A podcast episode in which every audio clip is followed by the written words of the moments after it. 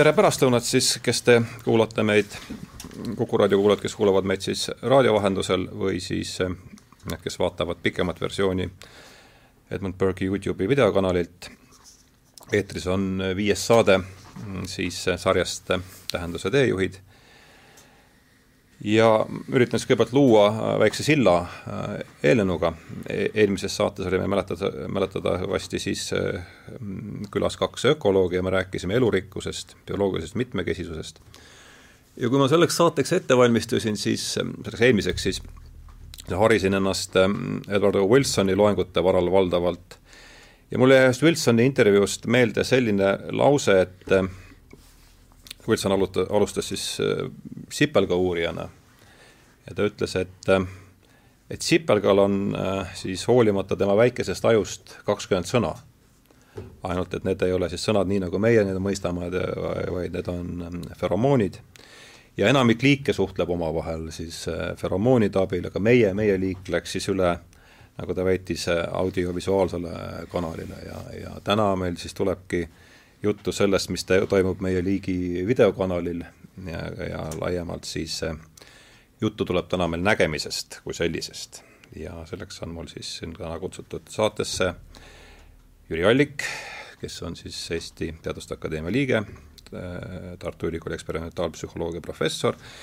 kes on oma karjääri vältel põhjalikult uurinud siis just nägemistaju ja teiseks saatekülaliseks Aave Hannus, äh, Tartu Ülikooli spordipsühholoogia lektor, kelle uurimisala on siis äh, puudutab nägemistaju ja, ja motoorika omavahelisi äh, seoseid. nüüd nägemistaju on lai, lai, lai mõiste ja et seda natukene siis rohkem piiritleda, me vali, valisime selliseks nurgakiviks tänasele saatele USA psühholoogi, kes suri siis seitsmekümne, juba seitsmekümne üheksandal aastal, James Gibsoni, ja eriti tema äh, siis äh, samuti tuhande üheksasaja seitsmekümne, seitsmekümne üheksandal aastal ilmunud raamatu äh, Ökoloogiline lähenemine nähemis, näge-, nägemistajule. ja, ja Gibsoni raamatu üks keskne väide oli siis see, et, et elusolendid on nende keskkonnast väga raske eristada, nad kuuluvad mingis mõttes äh, oma, oma keskkonnaga kokku ja ja enne, kui me läheme nüüd, äh, enne kui mina oma suu siin koomale tõmban, ma võib-olla paari sõnaga veel markeerin ära see, kus see, kus see huvi üldse selle, selle teema vastu ja et, et mis on see laiem kontekst, kuhu see tänane saade võib-olla asetub. et äh, ma olen siis alates sellest suvest tõlkinud Toronto äh,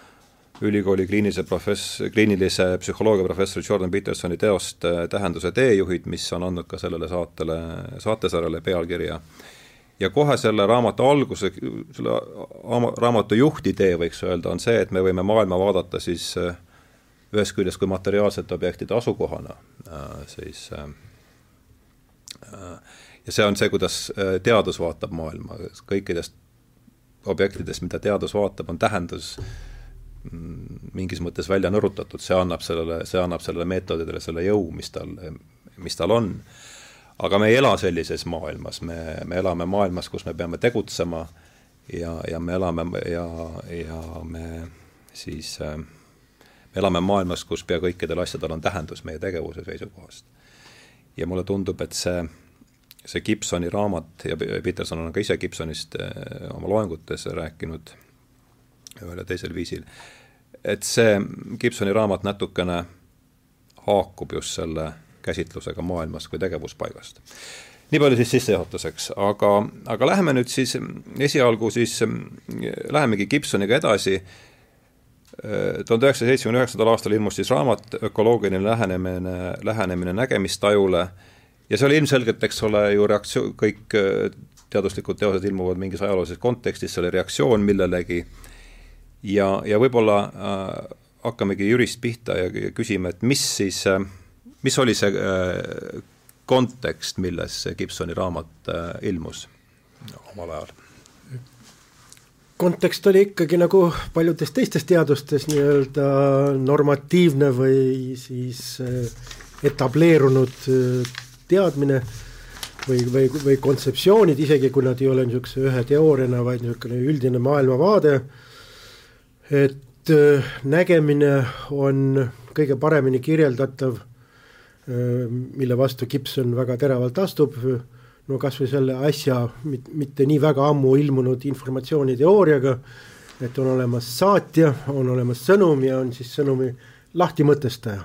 saatja on siis noh, ütleme füüsilised objektid, mis saadavad noh, näiteks valguskiirgust, siis see valguskiirgus on sõnum ja siis silm on siis selle sõnumi lahti sõnastaja. Gibson ütles, et see on kõik absoluutne jama, et see midagi sellist ei ole olemas ja ei ole üldse tarviski, kuigi, kuigi see, kui me öeldakse, et see on informatsiooniteooria, siis,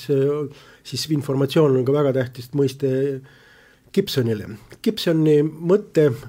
ja see mõte tuleb tal tema enda praktilisest tegevusest, ta oli ka mitte lihtsalt niimoodi tugitoolipsühholoog, vaid ta oli ikka praktiline psühholoog sõja ajal, nagu noh, peaaegu kõik psühholoogid töötasid nii-öelda võidu nimel sõjaväes, tema tegeles lenduritega ja lendurite nii-öelda treenimisega ja, ja noh, ma ütlen, et minu, minu põlvkonna psühholoogid on kõik üles kasvanud Gibsoni suurel näitel, kuidas kuidas üks Ameerika hävituslendur, kes kaotas ühe silma, sellele, sellele vaatamata lendas lennukiga edasi ja maandus suurepäraselt ja täitis lahinguülesandeid, kuigi tavaline nii-öelda klassikaline teooria ütleks, et see on võimatu, sellepärast et tal on väga suur osa informatsioonist puudu sest noh, kõik ta avald... kaotas silma siis ühe sellesama missiooni vältel? ma ei mäleta, kas ta kaotas missiooni vältel või oli ta juba sünnisaadik, igatahes vähelt ei ole, igatahes ta oli ühe silmaga ja võis maandada lennukeid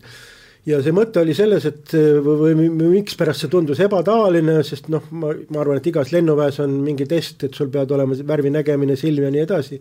selgub, et edukas olemine, edu, et olla edukas lendur, ei pea sul üldse kahte silma olema.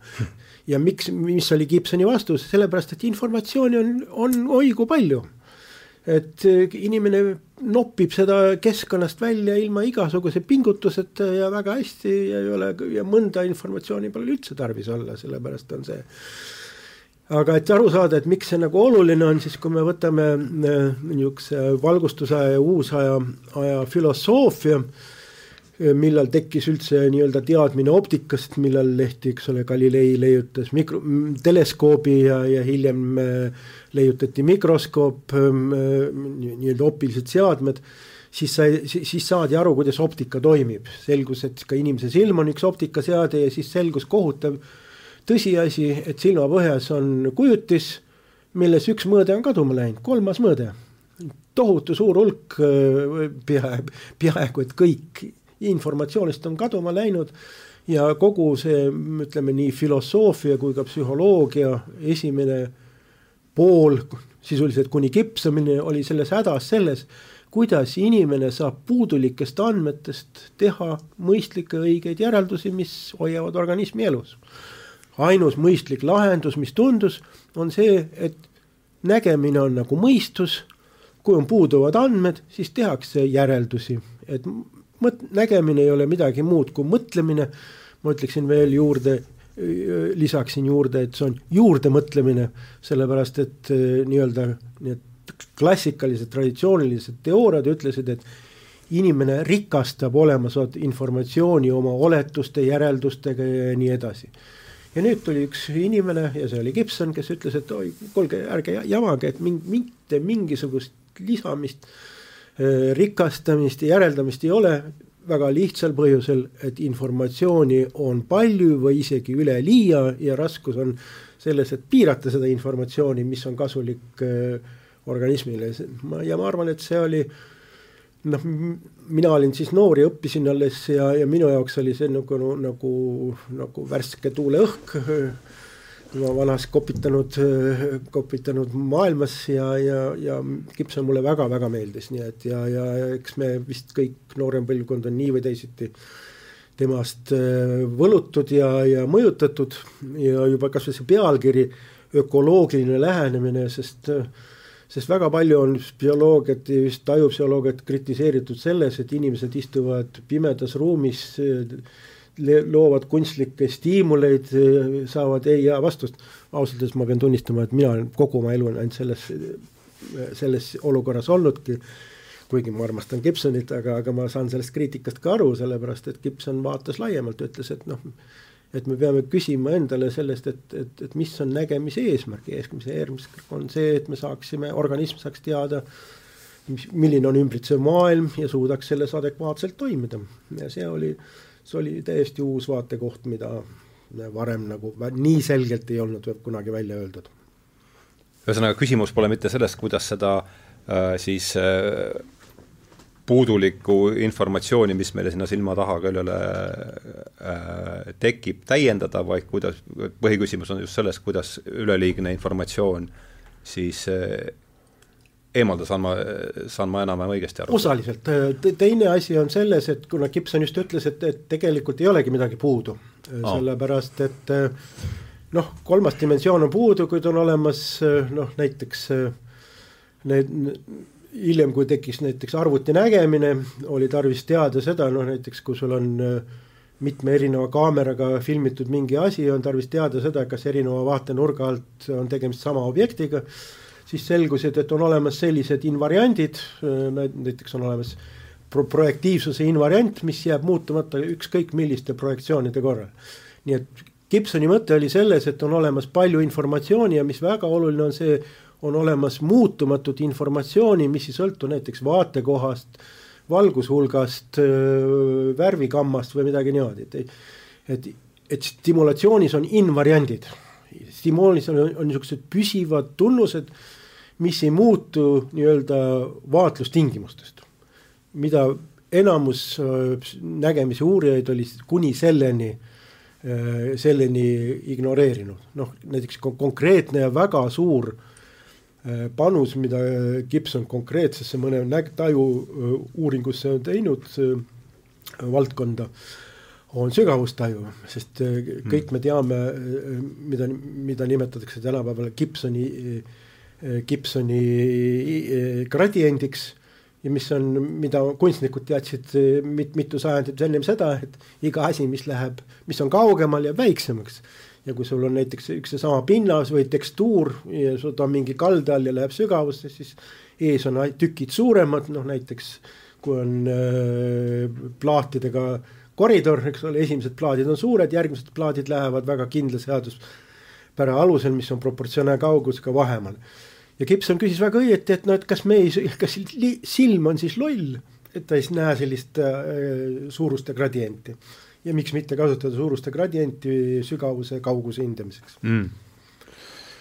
Ja teie ütlesite selleks, kui me siin kirjavahetust pidasime enne saadet, et, et Gibson on jäänud teist pigem äh, veidi kaugemale, et aga et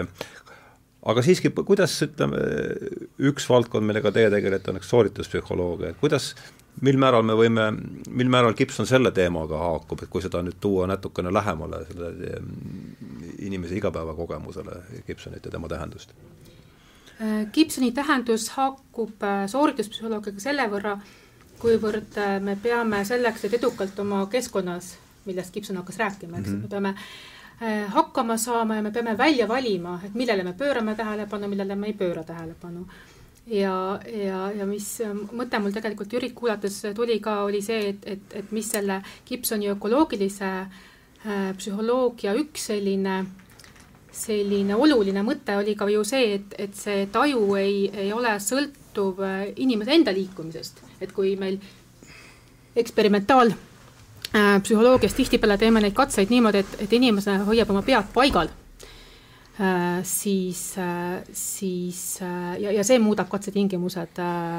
võrdlemisi kunstlikuks, tegemaks ka järeldusi inimese päris, päris käitumise kohta, siis, siis tegelikult see, millest Gibson hakkas rääkima, on see, et, et me suudame ju väga hästi töödelda oma ümbritsevat keskkonda siis, kui me liigume, kui me pea liigub, kui me silmad liiguvad. Ja ja soorituspsühholoogia äh, seisukohalt on siis see ökoloogiline äh, selline lähenemine oluline sellepärast, et äh, et me peame tegutsema selles keskkonnas, me peame välja valima objekte ja välja valima selle alusel, mis, mis on praegu või selle järgmise tegevuse seisukohalt oluline, me peame näiteks tennises selleks, et, et õigesti ennustada äh, Äh, seda, kuhu vastane hakkab servima, me peaks võimalikult nagu kaugelt, äh, enne kui, kui ta seda servi liigutust alustab, äh, suutma juba aru saada, et kuhu see serv on, on, on suunatud ja me peame olema võimelised niimoodi äh, ruumis äh, olemasolevat infot äh, üles korjata, mida, mida efektiivsemalt me suudame, seda, seda paremini me tegelikult suudame reageerida nendele muutuvatele sündmustele enda ümber. Ave ütles väga ilusti selles mõttes, et eksperimentaalpsühholoogia si, silmauurija niisugune ideaal on see, et inimese pea on fikseeritud, eh, ei liiguks, aga Gibson oli just see, kes avastas veel ühe sügavuse tunnuse, mida nimetatakse liikumise parallaksiks ja mida on väga hea kasutada ja muuseas seesama ühe, ühe, ühe silmaga lendur seda kogu aeg tegigi, on see, et kui sa näiteks pead edasi-tagasi natuke liigutad, siis eh, lähemal olevad objektid nihkuvad rohkem kui kauged ja kalibreerides sellega saad sa väga täpselt teada, kui kaugel mingi asi on. nii et eh, tegelikult liikumine mitte ei võta informatsiooni vähemaks, ei too, ei sega müra, vaid vastupidi, tihtipeale loob uut informatsiooni, mida ennem ei olnudki, nii et selles mõttes on see väga-väga hea, väga hea näide sellest, et, et noh, et tulge laborist välja, et vaadake, kuidas reaalses elus on, reaalses elus meil pea kogu aeg liigub, eks ole mm. -hmm. ja mõnedes, mõnede veelgi parem on selles, et, et noh, inimesel on väga tore, et kuna nägemis keskpunkt, kus on suurim teravus on üsna väike, siis inimene liigutab kogu aeg silmi ja me Aavega mõlemad oleme nagu seda äh, oleme silma liikumisi uurinud ja, ja, ja püüdnud aru saada, kuidas inimene nägema on, aga mõnedel liikudel, liikidel silmad ei liigu, nad liigutavad pead. ja liigutavad just pead selleks, et, et mõõta maailma, see, mis liigub rohkem, on lähemal, see, mis liigub vähem, on kaugemal. nii et liikumise parallaks, millega Gibson no, parallaks on nüüd, tähendab mida, parallaks tähendab äh, erinevust see, mida astronoomias kasutatakse näiteks äh, kauguste määramisel, kui sa kahest erinevast kohast mõõdad, siis siis selle triangulatsiooni abil kaks vaatekohta ühe objektiniga ja siis see parallaks on siis see vahe, mis mm. tekib kahest vaatekohast, siis selle erinevuse kaudu saab siis selle ja silmas on see liikumise parallaks on see, et sa oled kahes äärmises asendis, sa näed ühte sedasama asja kahest kohast ja see kujutise nihked, mis siis tekivad äh, ongi nagu siis vastus või, või see ongi nagu see mõõt sellest, kui kaugel mingi asi on mm. -hmm. aga kui me vaatame nägemist veel niisugune evolutsioonilisest vaatevinklist, et kus mida me sellest õigupoolest teame, eks, et kui me siin saate alguses äh, Wilsoni tuules rääkisime sellest, et et enamik elusolendeid ajab oma asju nagu lõhnade, äh, lõhnade baasil, et et mis, ähm, mida teadus meile siin ütleb, et kus see, kus see valik selle audio mm, või tähendab, vabandust, siis video, videokanali kasuks võis, võis toimuda, et ja millised võisid olla siin need ähm, keskkonnamuutused, mis meie liigile selle, selle evolutsiooni selle raja peale lükkasid noh, et nägemine on ikka niisugune väga evolutsiooniline nähtus, seda näitab kas või see, et on olemas liike, kes on oma nägemise ära kaotanud, näiteks seal mutt praktiliselt vist üldse ei näe ja väga mitmed liigid, kes elavad näiteks täielikus pimeduses ja koobastes, neil pole nägemist vaja, sest valgust pole, eks ole, neil on silmad degradeeruvad, nii et nägemine võib vabalt ka ära kaduda, mitte ka ainult evolutsioonis juurde tulla. aga kui me vaatame evolutsioonipuud, siis siis nägemine on tekkinud nii palju erinevates kohtades, erinevates evolutsiooniharudes, täiesti sõltumatu, et see noh, noh, see peab väga naturaalne protsess olema, sellepärast et ilma selleta ilmselt evolutsioon ei oleks saanud toimida. ja teine asi, mis mind on alati üllatanud, on see, et et kui me võtame optikast, siis on olemas mitu erinevat viisi, kuidas kujutisi tegeleda, peegel, kaksikkumerlääts, siis pime kamber mida tuntakse ka kaamera obscura all, mis oli nii-öelda esimene fotoaparaat, pime kast, mille, mille sees oli üks väike avavus ja ja ka läbi avavuse ilma ühegi optikata saab kujutise, mitte küll väga hea, aga siiski täiesti korraliku, korraliku kujutisega. loodus on kõiki neid võimalusi kasutanud, kaasa mm. arvatud, kaasa arvatud prisma ja kaasa arvatud peegel, tükk, tükk aega arvati seda, et, et et no peeglit ikka loodus ei kasuta, aga on olemas liike, kus on isegi peegel kasutusel, nii et äh, nii-öelda pannakse väiksed peeglid kokku ja valgus ko koondatakse ühte kohta, kus siis on valgustundlik retseptor, mis selle valguse kokku korjab, nii et nii et loodus on ära kasutanud kõik, kõik variandid, mis üldse kujutise loomiseks on olemas. ja, ja, ja nägemine ei ole ainult äh, siis äh, võrkkestaga, mis on noh, kõikidel selgroogsetel ja ka noh, putukad, eks ole, on teinud veel üldse kavalama asja, et need on on teinud mitu silma, eks ole mm., nad on kõik liitsilmad ja iga, kuna igaüks vaatab, vaatab eri suunas, Gibson on öelnud, et, et et, et retinaalne kujutis ei ole nägemiseks üldse vajalik, et see ettekujutus on see, et meil on silmapõhjas peaks pilt olema, jama, seda ei ole üldse vaja, vaadake neid putukaid, eks ole, neil on liitsilmad li,, iga silm vaatab sinna ja, ja Gibsoni põhimõte ongi see, et erinevus on oluline. Difference äh, vaatenurgas nii-öelda, see annab informatsiooni, mitte see, et kas on valgus või ei ole ja lisaks sellele, et me Gibsoniga seoses räägime palju sügavustajust, et, et äh, inimesed on jälle äh, väga osavad värvide, värvuste mm. eristajad, eks ole, et, et arvatakse, et see meie võime värvusi eristada või, või, või mõnel äh, või lindudel näiteks veel, veel paremini kui inimestel, et, et see on jälle üks, üks selline suurepärane omadus, mis võimaldab meil kuidagi palju paremini hakkama saada, et selline värvuse tajumine äh, Äh, tundub inimese jaoks väga, väga selline hea omadus olevat, millega äh, maailma segmenteerida ja, ja, ja jällegi aru saada, mis kokku käib ja mhm. sügavustaju on nüüd siin mitu korda läbi jooksnud äh, tänases vestluses, et defineeriks selle, peatuks korraks sellele mõistele, et mida see nüüd siis endast õigupoolest kujutab noh, kui me oskame öelda, et mingi asi on vasakul paremal, ülvel all, siis inimese võime öelda, kui kaugel vaatest mingi asi on, see ongi sügavuse mm. taju. Ja see on ka üks põhjus, miks meil kauguse hindamine. kauguse hindamine ja, ja noh, mitte ainult hindamine, vaid ka pildi sügavuses oleva pildi konstrueerimine ehk, ehk pildi konstrueerimine, kus asjad on oma asendites, kusjuures on ka olemas kolmas mõõde, mis näitab nende kaugust. sest noh, lihtne oleks ette kujutada, et kui meil on ainult kaks fotokaamerat, mis teevad ühe pildi, eks ole, et siis me, siis me näeme igaühe asukohta ainult või suunda, aga me ei tea kaugust, aga aga tänu sellele, no mitte ainult sellele, et, et on olemas väike va-, vaatenurkade erinevus, mõned, mõned sentimeetrid vas-, vasaku ja parema silma vahel ja see, et silmad on ühes ja samas tasapinnas, annab meile siis ka võimaluse hinnata äh, sügavust. ja meil on spetsiaalne mehhanism, mida nimetatakse stereonägemiseks või stereoruumiliseks nägemiseks, siis äh, aga noh, see töötab väga lühik-, väikestel kaugustel, sellepärast on lihtne välja arvutada, et, et kui sul baasivahe on, on kuus-seitse sentimeetrit, siis siis, äh, siis sellega väga, väga suuri kaugusi mõõta ei saa aga samas võimaldab ta teha tööd kätega ja kasutada tööriistu mm. ja, ja, ja hakkama saada. No absoluutselt, noh, meil ta palju jällegi nii ei ole, sest ma kujutan, et seal äh, kakulistel või öökullil on nagu see olulisem, sest neil on tarvis ikka hiir kätte püüda ja, ja sellega nad teevad seda väga hästi. selle stereonägemisega? Neil on ühed parimad stereonägemise mehhanism on, on, on, on kakulistel. sa nüüd jõudsime jälle te-, võtame võib-olla selle stereonägemise,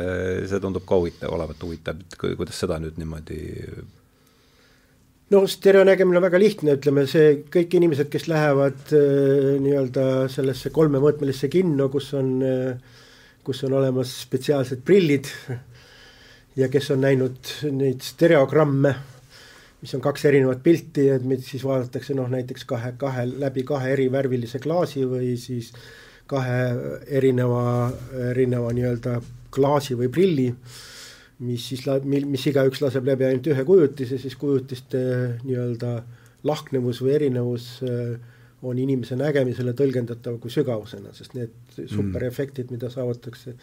stereonägemises, sa näed, et, et noh, vesi paiskub üle seal äh, rinnati see ja tuleb sulle kaela, on tänu võimalus, tänu just sellele, et meil ongi stereonägemine, et me, me lisaks siis nii-öelda suunale ja ka öö, määrame ka asjade kauguse, saame näha sellest mm., nii et see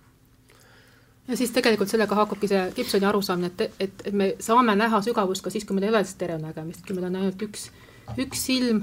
et on olemas osa selliseid tunnuseid, invariante, mis, mis töötavad ka ühe silma puhul, seesama tekstuuri gradient, et mm -hmm. saame aru, et vaibamuster kaugemalt on, on peene.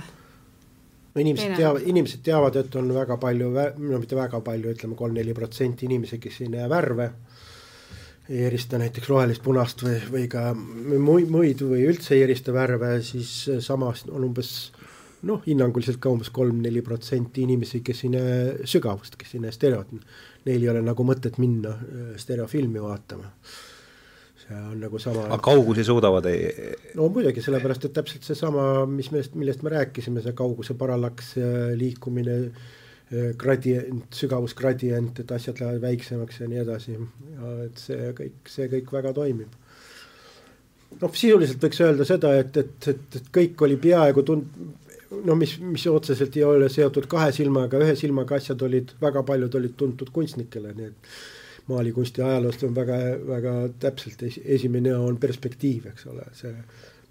kui me võtame praktiline teadmine oli olemas juba ammu enne? absoluutselt, noh see Leonardo Vinci'l oli absoluutselt selge kõik, kogu see geomeetriline optika, kuidas on tarvis joonistada pinnale niimoodi, et näiks, näiks mulje, et on tegemist sügavusega, aga noh, siin muud asjad on ka, et see on neid asju, mida noh, näiteks seal Cézanne leiutas selle ja mida teised varasemad kunstnikud väga vähe kasutasid, on see, et mida kaugemal olevad asjad on, on sinisemad mm.. mis on väga selge, sest õhk, õhk neelab eh, või kaugusel olevad, ühesõnaga, kuna see spekter, õhuspekter kogu aeg muutub, siis kaugemusala asjad on näiteks sinakamad ja ja hea sügavusefekti saad sellega, kui sa, kui sa maalid, maalid kaugemad asjad siniseks näiteks. Ühesõnaga seda sügavusinformatsiooni on hästi palju igasugust, kusjuures liikumine ise genereerib väga palju asju, sest äh,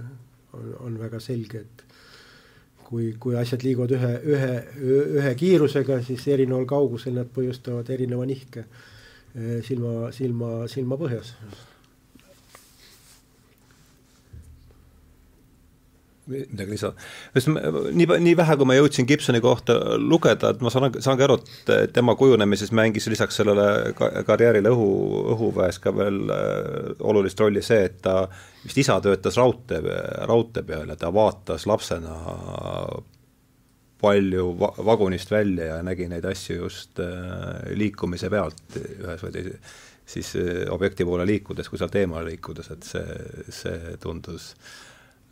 mulle tundub, et ma olen küll seda Gibsoni elulugu lugenud, aga seda mul ei olnud. no see on vist, ma arvan, et see oli vist Vikis, Vikis kuskil. väga tore, see noh, see on väga hea näide selles mõttes, et see et noh, ma ütleksin, enamus, enamus uurijatele liikumine, igasugune liikumine, olgu siis inimese pea või või asjade liikumine ruumis oli nagu suur takistus uurimiseks, aga keegi ei taibanud, et see võib olla see muuseas, see võib olla üks põhjus, mina olen ka nagu liikumise uurija, püüan ennast kõige, kõige kompetentsemaks liikumise taju, liikumistaju uurimisel ja võib-olla see on ka üks põhjus, et nagu, nagu Gibsonilgi, et ma tahtsin nagu sellest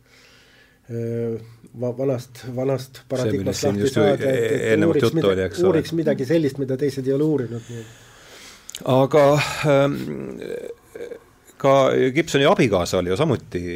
nägemise uurija, eks, ja, ja, ja, ja see kuulus noh, mina kuulsin tast küll hiljuti, aga see, ma saan aru, et see on kuulus eksperiment, see visuaalne, visuaalne kuristik, et mida see ütleb meile meie nägemise kohta, et alustame võib-olla seekord siit Aavest, et mis, mida, mida ütleb rääkige palun kõigepealt, millest see, millest see eksperiment millest see eksperiment kõneleb ja ja mida ta meile, mida ta meile ütleb üldse selle kohta, mida me, kuidas me näeme? Äh, see eksperiment seisneb selles, et kui, kui panna laps, selline imik äh,,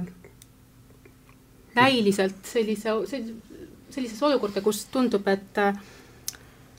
et need sellised tekstuurimarkerid viitavad sellele, et, et sinu ees on kuristik siis. noh, võib ka olla reaalne kuristik, aga kaetud Ka näiteks pleksi, pleksiklaas või tugeva klaasiga, kus ta läbi ei kuku. et siis, äh, siis tegelikult äh, äh, sa os-, oskad sa natuke praegu no,? traditsiooniline teooria ütleb selles, et äh, laps õpib oma vigadest, et mm -hmm. tal algselt ei ole nagu ettekujutust olemas ja, ja, ja see katse tehti selle mõttega, et küllap see laps sukerdab sinna äh, kuna tal ei ole nagu varasemat kogemust, kogemust, siis ta läheb sinna kuristiku kohale. ja siis üllatus-üllatus äh,, selgus, et lapsed, kes veel ei kõndinud seal paari-kolmekuused, kes vaikselt ringi ukerdasid, katsusid igal juhul vältida või vähemalt enamus neist keeldus ronimast sinna mis neile, nende silmale näis olevat suur äh, kuristik. kuigi vist osade, vähemasti osadel katsetel oli, ma nägin, et ema, ema veel kutsus. jaa, absoluutselt, seda, mingi... seda püüti veel, veel nii-öelda äh, usaldusega teda meelitada sinna, aga, aga enamus lapsi ei olnud üldse nii rumalad, vaid nad nägid, või õigemini nad ei olnud nii targad, et nad oleksid näinud, et seal on klaas, et oleks, võiks ronida küll, aga, aga noh eks, eks see näitab, aga noh, see oligi üks Eleanor Gibsoni ega nendel tema äh, Jamesist erinevad vaated väga-väga vist ei olnud, et tema siis arvas ka, et, et, et, et väga palju asju lapsed ei pea üldse õppima, need neil on noh, ütleme, kui mitte siis kaasasündinud, vaid siis äh, nii-öelda loomu poolest omased äh, mingisugused reaktsioonid. ja teiseks, et see ettekujutus äh, mis ma olen ka kuulnud väga palju, mis oli ka psühholoogia õpikutes alguses, muuseas see oli Jamesi öeldud, et et imikumaailm on niisugune sumisev ja, ja kihisev segadus, et seal puudub igasugune kord ja siis, siis Gibsonite vastus oli selles, et väikelapse maailm, tajumaailm on küllalt hästi organiseeritud ja väga põhimõtteliselt ei erine sellest, milline on ta täiskasvanul, nii et me ei sünni äh, sünni nii-öelda puhta lehena, eh, kus ei ole mitte midagi teada, vaid meie tajuvõimed ja oskused on üsna, üsna, üsna kõvasti on, on juba kohe algselt olemas, nii et. aga sellega tegelikult haakub see näide, mida, mida ka seostatakse Gibsoni,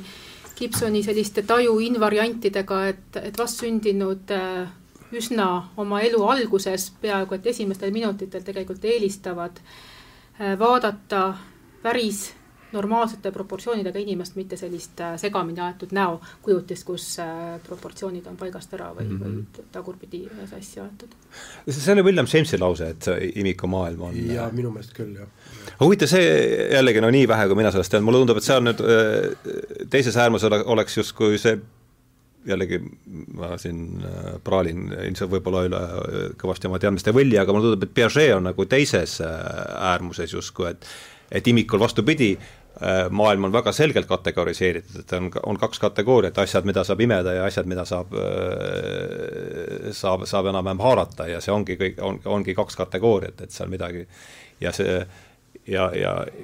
ja see eristamine hakkab nende kategooriate, kategooriate baasilt alles, et äh. selles ma olen küll õigus või nõus, et et Piaget ütleksime, kui, kui see ettekujutus, et niisugune segapodi on siis lapse tajumaailm, siis Piaget kindlasti seda ei mõelnud. ja ta mõtles, et lapsel võivad olla ja tal ei olnud ka midagi selle vastu, et nad võivad olla kaasasündinud või või sünnil juba olemasolevad või siis mingi aja pärast esile kerkivad võimed maailma kategoriseerida sahtlitesse või kategooriatesse jagama. ma ei ole päris kindel, et kas nüüd neid ainult kaks kategooriat no, oli. see jah, lihtsustatud muidugi. aga noh, aga see mõte oli tal kindlasti olemas, et on olemas niisugused noh, nad nimetas neid sensomotoorseteks või, või tajukäelisteks kategooriateks, noh ja need kategooriad võivad olla noh, näiteks seal lähedal, kaugel, käega haaratav, mitte haaratav, nii et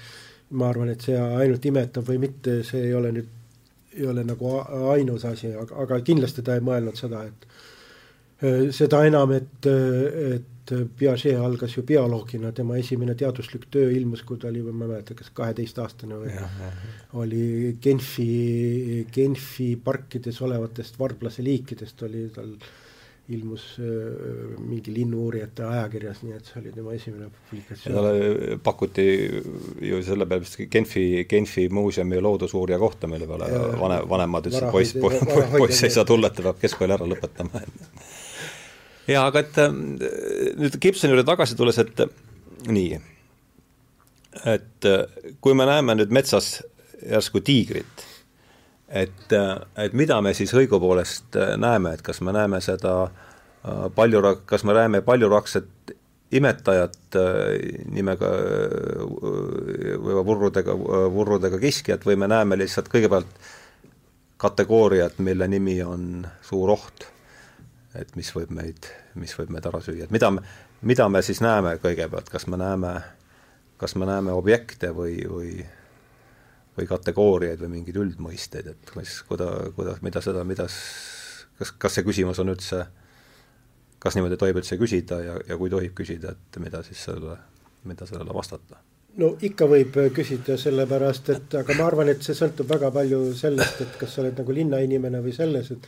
mõni, mõni, mõni inimene ütleb, kes pole nagu looduses kunagi olnud, et näed, kui tore kiisu seal ja et see et seal mingi oht on, see ei pruugi olla, noh, tüüpiline näide on selles, et noh, kui sa Aafrikas käid, siis, siis arvatakse, et seal jõehobune on nagu kõige noh, pisikene tore niisugune väike pontsakas tegelane, aga tegelikult kõige suurem arv inimesi saab hukka just jõehobu, hobu käest, sellepärast et noh, ta, ta võib väga agressiivne olla ja kui ta just vee all ei ole, nii et see, nii et seal on väga, väga, väga palju ikkagi see individuaalselt. aga psühholoogia väga palju uurinud selles, et kas on olemas meil äh, äh, nagu eeltajusid, noh mm. on ahvidega on väga hästi uuritud, et vahvi on äh, eemal hoitud kõikidest ussidest ja kui sa viskad talle puuri ussi, siis noh, ma ei tea, kas see on universaalne reegel, aga ma arvan, et see on küllalt levinud, et nad tõmbuvad sellest eemale. ma ei tea, mis juhtub inimesega näiteks, kellel ei, ema ei ole rääkinud seda, et uss, uss on kõige hullem asi ja ja ma arvan, et tänapäeval linnalaps kasvab üles niimoodi, et ta pole elus, kui ta loomaaias ei käi, ta pole elus ühtegi ussi näinud, eks ole. kui ma nüüd ei eksi, siis vist maofoobia on sama sage nendes piirkondades, kus magdusid ei ole ja nendes piirkondades, kus elavad mürgised maod, et mis siis räägiks nagu eeltaju, eeltaju, eeltaju kasuks? mingisugused sellised bioloogilised märgid ilmselt on. no ühesõnaga, ma, see ei ole nagu lahendatud küsimus, aga, aga, aga ma ei välistaks ka seda, kuigi, kuigi seda noh, nagu lihtsalt teha, et sa võtad ühe juhusliku inimese, paned puur purki ja siis näitad talle madu ja siis kuigi tegelikult on ta mingi sukk, eks ole, kes traat on sees ja liigutab, et siis kas ta siis hüppab püsti või mitte, et see on nagu, nagu küsimus, aga, aga, aga, aga ma arvan, et meie Aavega kui psühholoogidele, me, me, meil on täitsa loomupärane mõiste, et mõned asjad, mõned kategooriad võivad olla just täpselt ühesugused, et seal, kus madusid on palju, seal, kus madusid on vähe, ikka kardetakse neid, nii et see meil võivad mingisugused e-, eeldused olla, kas igal inimesel, aga noh, vähemalt suurel hulgal või valdavalt, nii et. selle kohta on vist isegi selliseid hüpoteese välja pakutud, et me kardame nagu neid elukaid, kellel, kes on väga-väga erinevad, kellel ei ole üldse käsi ega jalgu ja kellel on jälle väga palju käsi ja jalgu ja silmi, neid ämblikud on no, teine selline mm, -hmm. selline seltskond, keda inimesed pigem nagu kardavad. ma arvan, et inimene ei ole muidugi kõige parem liik niisuguste hirmude või kartuste uurimisel. ma lugesin väga head raamatut, Heinrichi raamatut ronkadest ja nemad on niisugune, on väga huvitav segu, nemad on parim mudel selle hirmu ja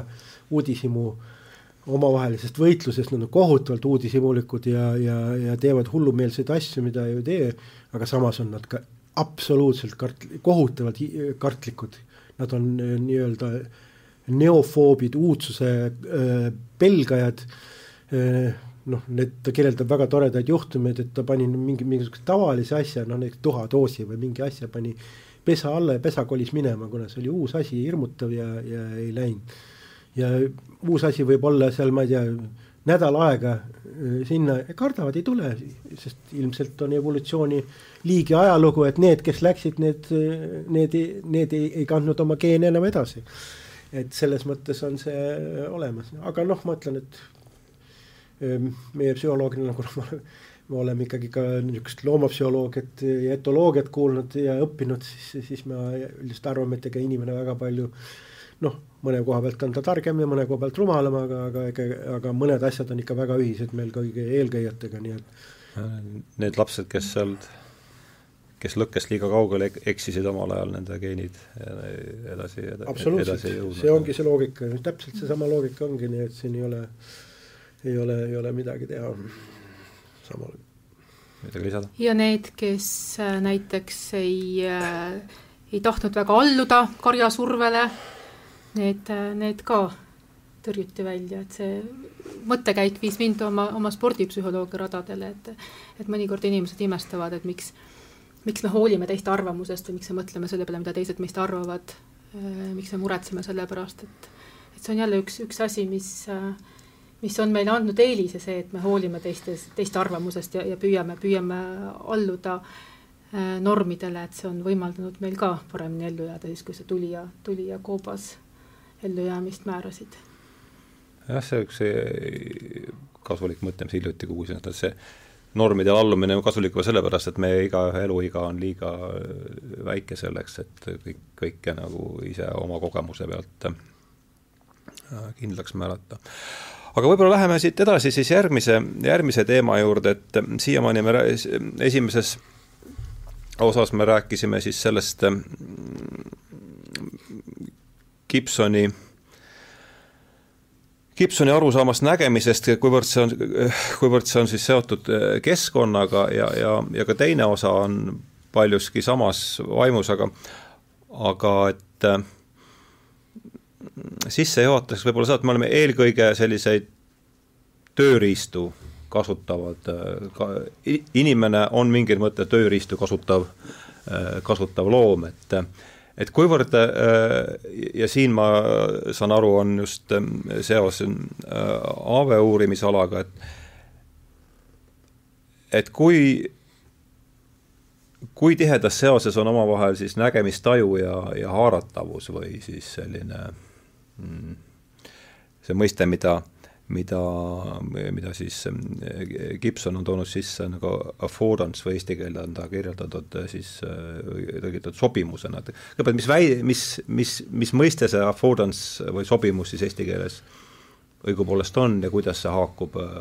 nägemistajuga ja, ja selle, selle mõttega, et me oleme eelkõige sellised tööriistu kasutavad loomad selle sobimuse all äh, peeti silmas või, või Gibson pidas seda äh, silmas, et, et, et me saamegi ütleme, kogu sellise tähelepanu lihtsalt äh, tajuprotsessi käigus, et me ei pea midagi konstrueerima, me ei pea hüpoteese testima, vaid, vaid see info nii-öelda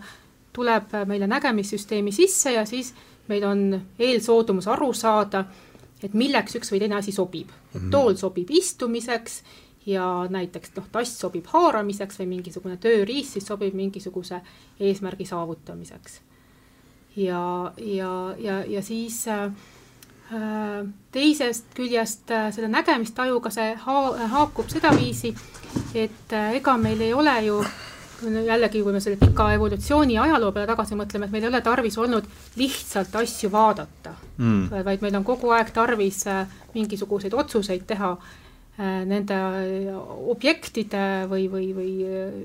elusolendite suhtes, keda me näeme ja ja, ja sellepärast siis tundub, et meie, meie tajusüsteem on muutunud eriliselt tundlikuks selle info väljakorjamiseks keskkonnast, mis on kuidagi oluline selles suhtes, mida me tegema hakkame, no ma toon näite, et et, et kui, kui me tahaksime näiteks tassi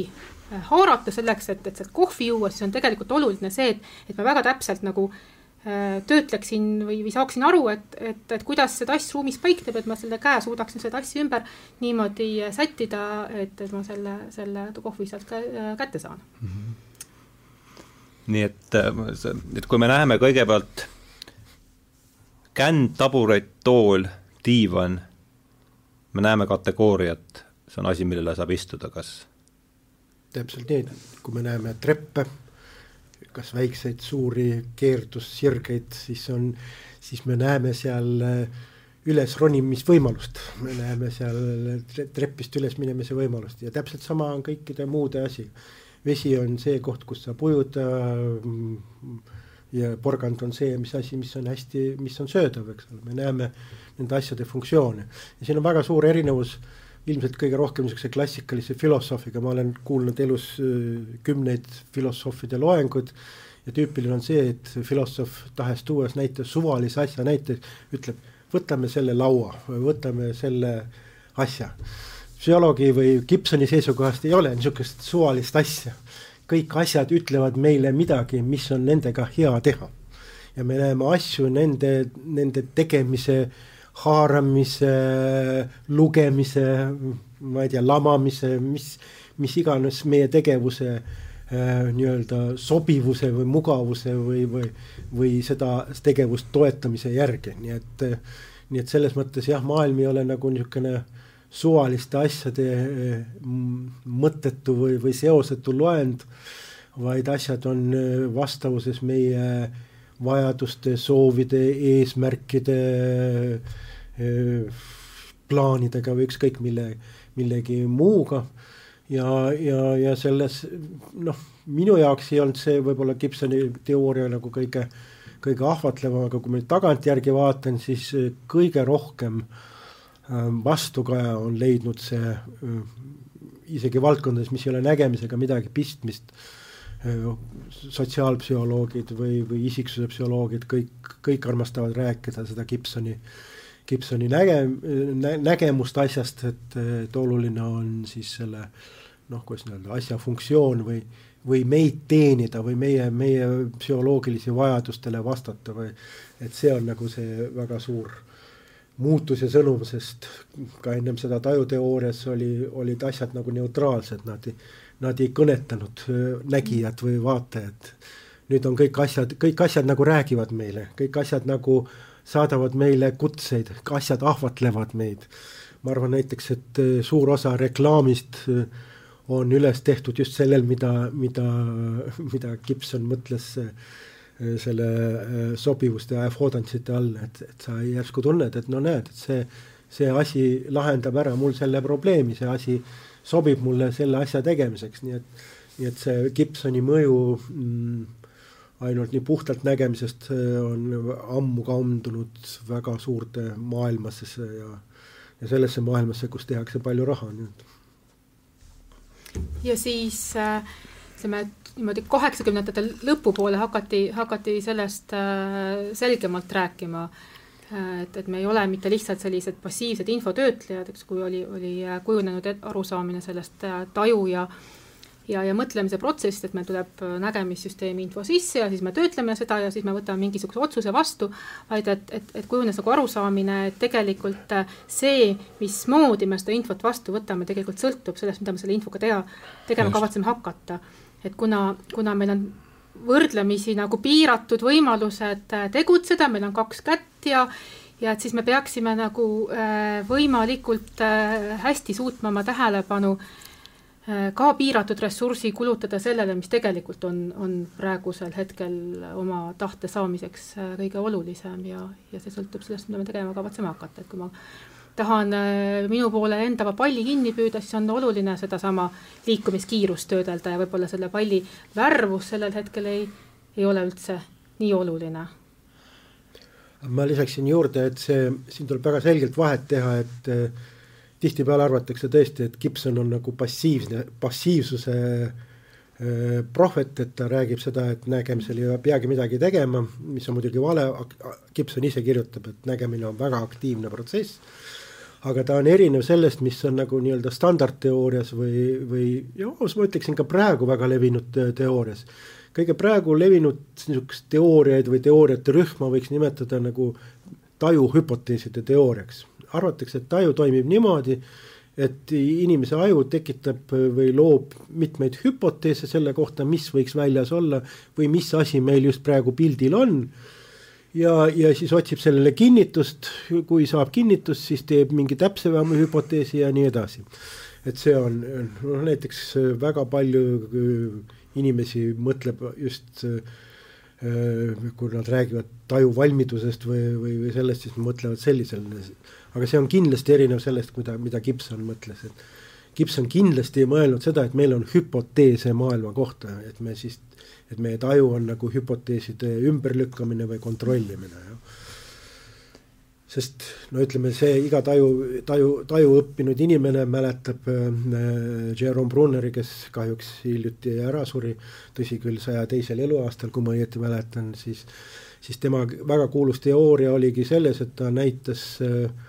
katse oli selles, ta näitas mingeid pilte äh, väga lühikeseks ajaks, äh, kus inimene tegelikult, aeg oli nii lühikene, ta midagi sa nagu ei saanud aru, aga siis ta palus inimestele öelda, et no mida sa seal nägid, noh, inimese, inimene tegi mingisuguse, no ütles, et seal on mingi valge kogu või nii edasi ja näitas siis teist korda natuke rohkem aega, siis inimene täpsustas ja siis ta arvas, et see nii-öelda vastuste protokoll väga sarnaneb sellele, kuidas taju ise toimib, et taju kogu aeg teeb mingeid hüpoteese ja kontrollib neid siis olemasoleval andmestikul, aga see ei ole see, mida Gibson mõtles täiesti kindlasti, nii et sest Gibsoni, kui me otsime nagu mingisuguseid äh, analoogiaid, siis see, mida tema kõige rohkem kasutas, on nagu resonants.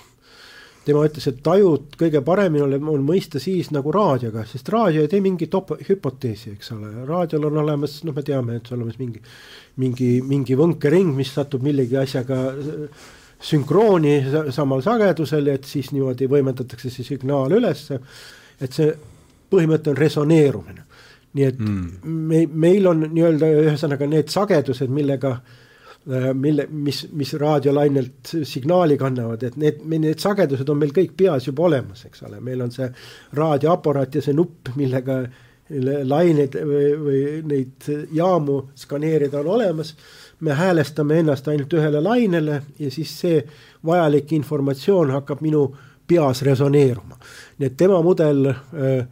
on, on mitte mingi arvuti, mis teeb mingeid keerulisi järeldusi, vaid kõige parem näide on tõesti siis nagu mingi resonaator või, või raadio on selles mõttes väga hea näide. see oleks siis see taju komputatsiooniline mudel, millele, mille vastu Gibson läheb natuke? No tema alustas siis, kus see komputatsioonilised mudelid olid üsna lapsekingades ja neid tegelikult ei ole ja komputatsioonilised mudelid tekitasidki nagu tõsise probleemi, sest kui hakata vaatama, et kumma alla neid nagu rohkem liigitada, kas siis näiteks seda hüpoteeside püstitamise või Gibsoni oma, siis väga paljud komputatsioonilised mudelid ütlesid, et, et ei, me mm., meie oleme rohkem Gibsonistid. sest me võime selle nii-öelda rutiini või selle arvutusmasina teha äh, valmis ja see jookseb meil algusest lõpuni ja mul ei ole tarvis mingit hüpoteesi, ma lihtsalt selle alusel töötlen olemasolevat informatsiooni ja saan vastuse kätte. Mul ei ole tarvis seal midagi oletada või lisada või rikastada andmeid, ma saan kõik andmetest ise kätte. mis haakub kaasaegsete selliste äh, aju kuvamise uuringutega, mis näitavad seda, et, et näiteks kui su, sinu tegevuse kavatsuse seisukohalt on oluline eristada hästi orientatsiooni, objektide orientatsiooni, siis tegelikult noh, piltlikult öeldes me nagu, nagu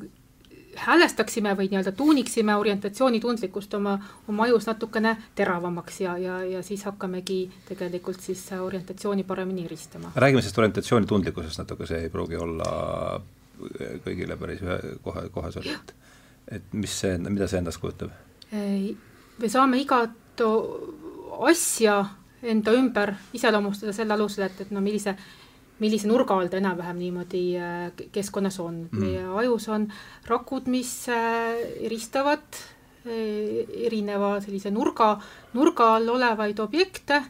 ja, ja annavad signaali, et nüüd on sellise,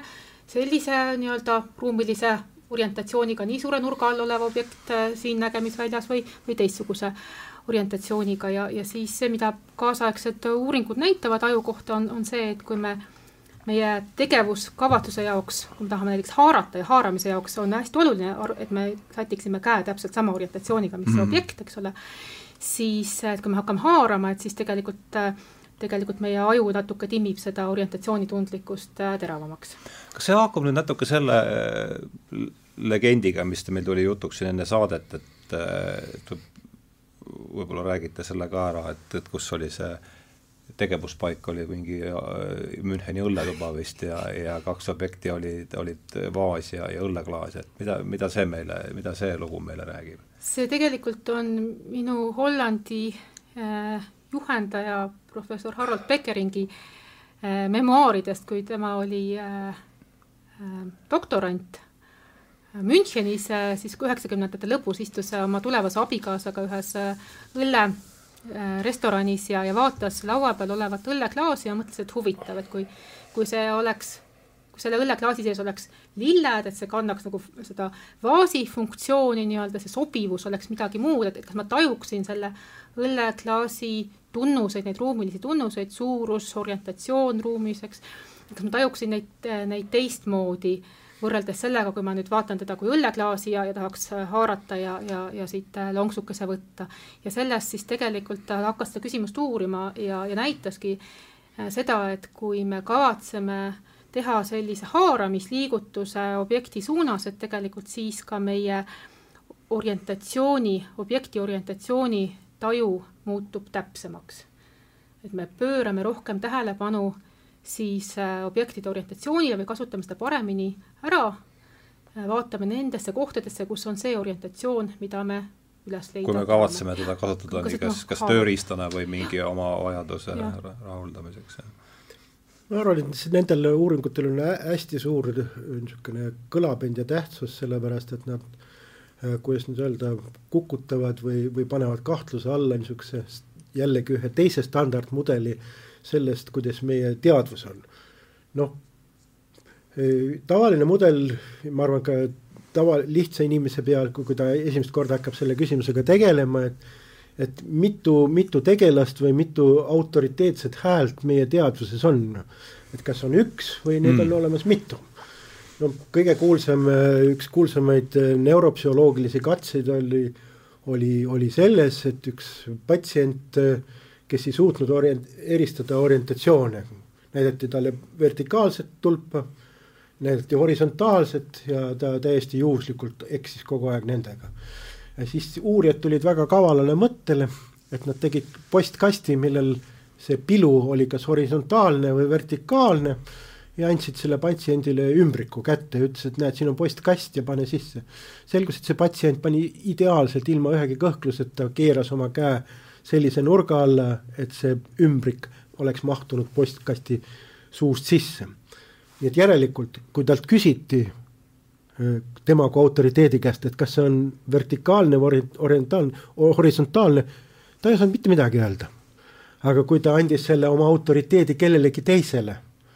kes, kelle ülesanne oli hoopis midagi muud öelda või midagi teha, mitte öelda, kas see on võtta, et tee see, siis see mm., see subjekt nii-öelda kusagil seal all väike, väike, väike osakond,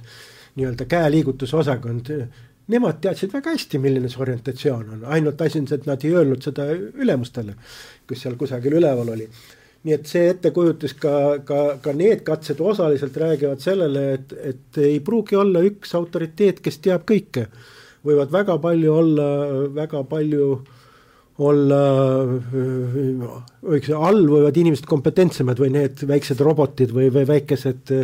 mehhanismid seal või kes neid oma asju toimetavad, neil võib see informatsioon olla, nii et see informatsioon ei ole niisugune totalitaarne nagu totaal, totalitaarses riigis, et, et ainult üks programm mm, Vremja on, eks ole, kust kõik tõed ja au, ausad tulevad. ja täpsustagem, et me räägime nüüd, tegevuspaik on üks inimene, seda on kõik ühe inimese sees, eks. ühe inimese sees, et, et seal võivad olla erinevad võimukeskused, kellel on oma, oma, hoopis oma tegemisruum ja, ja mõnikord hoopis teine informatsioon kui mõnes teises. Ja siis tekkis ka selline, selline ettekujutus, et äh, meie selline nägemistaju puhtalt nagu taju eesmärkidel võib olla märksa ekslikum kui, kui see taju, mida me kasutame tegevuse juhtimiseks, et äh, me võime näha näiteks äh, selliseid moonutusi või illusioone, kui me vaatame lihtsalt selleks, et mingisugust objekti vaadata, neid selliseid suurusega seotud illusioone on, on hästi mitmeid, aga kui paluda haarata seda objekti, mille, mille ütleme, suuruse hindamisel äh, nii-öelda paljas taju jääb, jääb hätta või, või eksib, et kui paluta haarata seda, siis, siis käeliigutus, käe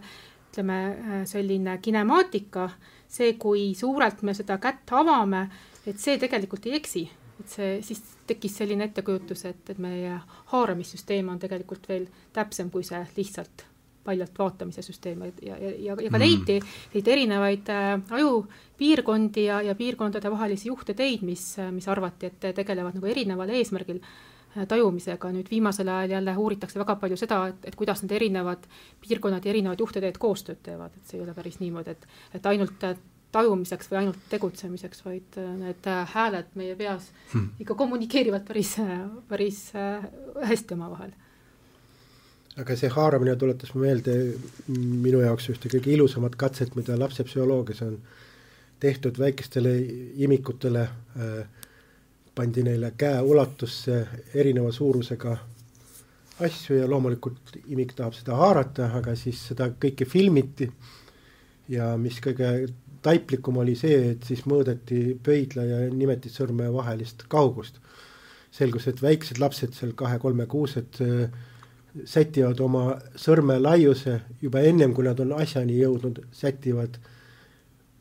suureks laiali, kui see on suure asjaga ja väikseks, kui on väikse asjaga, mitte niimoodi, et viivad käe sinna ja siis katsuvad.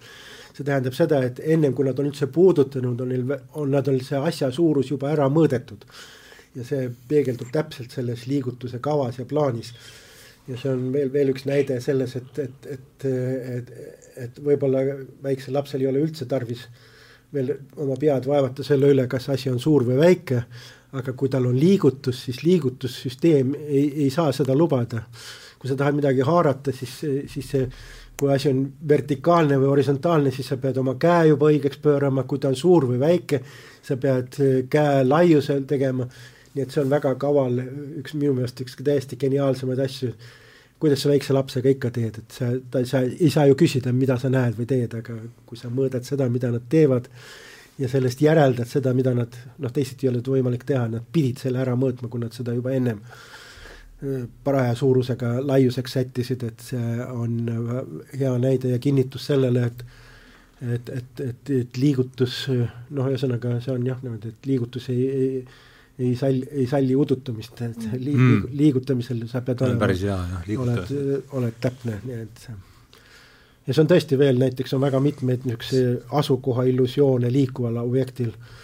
et silm ütleb küll, et, et see jääb sellest näiteks maha, aga kui sa annad inimesele haamri kätte, et, mhm. et löö siis seda liikuva peale, siis see löömine on kohutavalt täpselt, kuigi, kuigi võiks öelda, et see poliitbüroo üleval kusagil äh, ütleb, et, et, et see asi on seal, siis käsi, käsi ei allu propagandale, vaid äh, tema teab täpselt, mida tuleb teha, sellepärast muidu läheks mööda ja ja kui see oleks hiire või mõnel loomal hiire või, või, või, või, või, linnul putukaga, siis, siis oleks see väga kurb, siis ta lihtsalt läheks mööda. no mis justkui kõneleks selle teesi kasuks, et suur osa meie eluks vajalik, eluks vajalikest teadmistest on lihtsalt salvestatud meie kehadesse, ilma et me sellest eh, oma sellel poliitbüroo, poliitbüroo, poliitbüroo tasandil üldse eh, teadlikud oleksime või? Ma ei ütleks, et salvestunud, see on natuke eks-, natuke eksitab ja siis, siis peab olema keegi väga tark, kes selle, eks ole, on tark, selle teadmise kusagil teinud ja siis teinud, ma ütleksin niimoodi, et eh, noh, see on, ütleme nagu arvuti tuleb, eks ole, sa saad mingisuguse tarkvara, operatsioonisüsteemi. ma arvan, et inimese eh, nägemissüsteem on saanud selli-, mitu, ütleks riistvara, vaid ka sellise tarkvara mis oskabki selliseid asju teha, eks ole, et see me, et tähendab, see on selles masina konstruktsioonis sees, et see ei ole niimoodi, et see on kusagil mälu, kuhu pannakse. ja no jah, ma jah, ja nüüd me, ma mõtlesin sama asja, aga ma jah, jah, ja, et nii,